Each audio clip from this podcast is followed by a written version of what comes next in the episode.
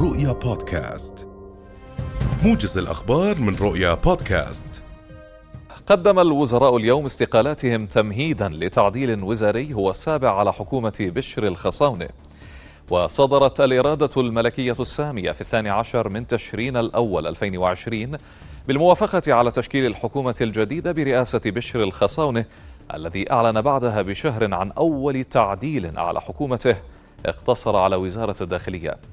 وأجري آخر تعديل على الحكومة الحالية في الثاني والعشرين من كانون الأول من العام الماضي والذي عين بموجبه مكرم القيسي وزيرا للسياحة والآثار.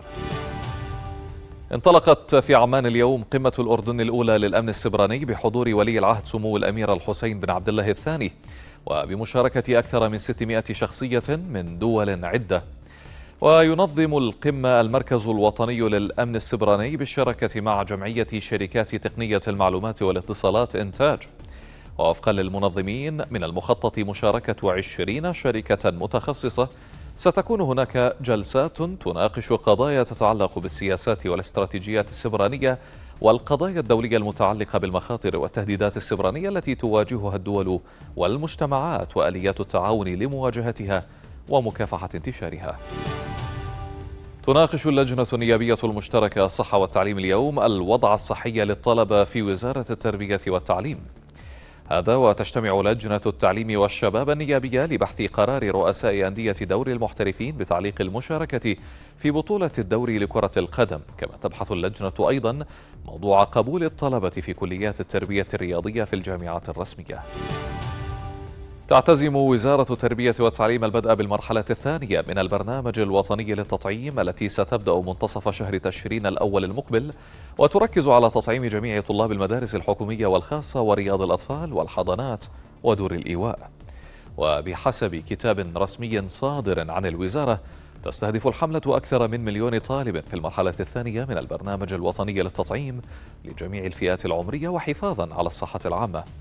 كما ستتم مراجعة مستجدات البرنامج وتطعيم الفئات غير المطعمة أو المتخلفين أو المتخلفين على التطعيم من عمر شهرين حتى عمر 18 عاما وإعطاء جرعة إضافية من مطعوم الحصبة والحصبة الألمانية.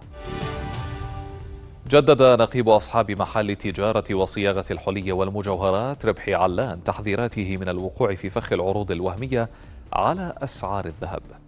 وقال علان لرؤيا اليوم إن هناك حسابات وهمية على مواقع التواصل الاجتماعي تنتهج ممارسات النصب والاحتيال الإلكتروني على المواطنين من خلال تقديم عروض وهمية بشكل متكرر. وأضاف أن هذه المواقع أثرت سلبا على التجار وأدت إلى تراجع المبيعات بنسبة تصل إلى 50% مقارنة بالعام الماضي. جدد مئات المستوطنين المتطرفين صباح اليوم اقتحامهم للمسجد الأقصى المبارك من جهة باب المغاربة بحراسة مشددة من شرطة الاحتلال الإسرائيلي بمناسبة ما يسمى بعيد الغفران العبري. وحولت شرطة الاحتلال مدينة القدس المحتلة إلى ثكنة عسكرية ونشرت الآلاف أو الآلاف عفوا من عناصرها ووحداتها الخاصة وقوات حرس الحدود في المدينة وبلداتها القديمة وفي محيط الأقصى لتأمين اقتحامات المستوطنين للمسجد. كما شددت شرطة الاحتلال من إجراءاتها على دخول المصلين الوافدين من القدس والداخل الفلسطيني المحتل الأقصى ودققت في هوياتهم.